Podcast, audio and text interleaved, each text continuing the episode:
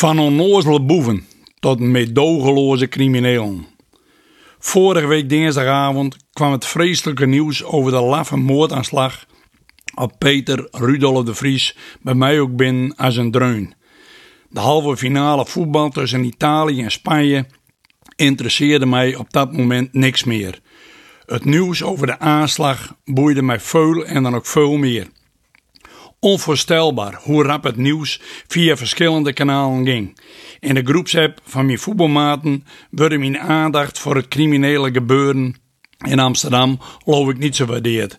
Geniet nou even van het voetbal van de veer. Ik kon dus niet meer van het voetbal genieten.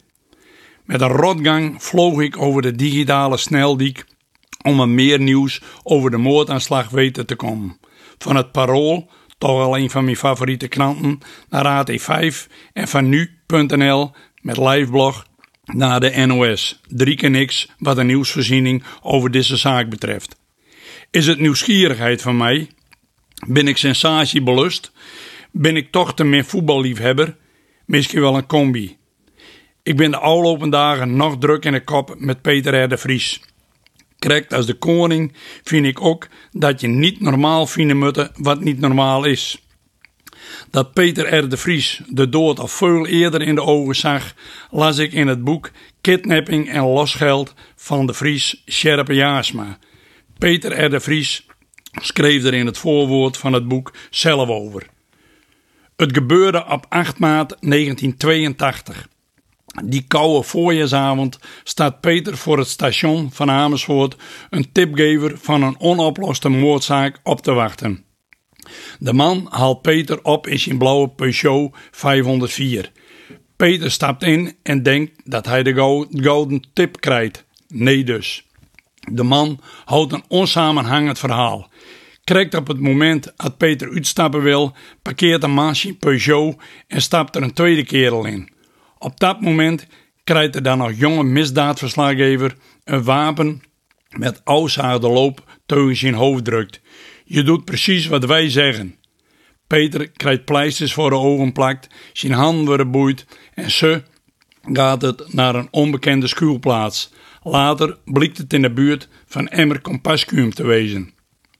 Peter is ontvoerd. Het duo eist losgeld van de Telegraaf, werd Peter dan voorwerkt. De volgende morgen vertellen de man dat ze hem met stoppen zullen. Stoppen? Stoppen we met? Zullen ze hem dan toch vermoorden willen? Nee, de twee kerels kunnen de spanning niet meer aan en willen Peter terug naar het station in Amersfoort brengen.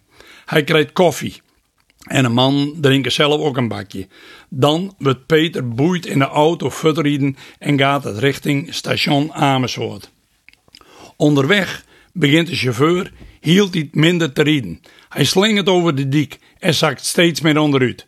Met lodderige ogen ziet de man Peter aan en vraagt: Ben jij niet slaperig? Peter antwoordt ontkennend: Oh, dan heb ik de verkeerde koffie gedronken, die met de slaapmiddelen. Peter zei tegen de man dat hij een parkeerplak oprieden moet.